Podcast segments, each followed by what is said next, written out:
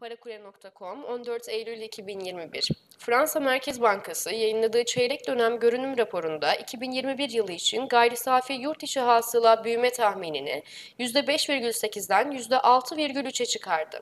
Banka, Fransa'da gayri safi yurt içi hasılanın cari yılın 3. çeyreğinde %2,5 büyüyeceğini de öngördü. İkinci çeyrekte büyüme %1,1 olmuştu. Fransa Merkez Bankası Avrupa Birliği uyumlu enflasyon için 2021 tahminini %1,8 olarak ortaya koyarken enflasyonun 2022'de %1,4'e ve 2023 yılında %1,3'e gerileyeceğini de tahmin etti. New York Fed, Ağustos ayına ait tüketici beklentileri anketinin sonuçlarını yayımladı.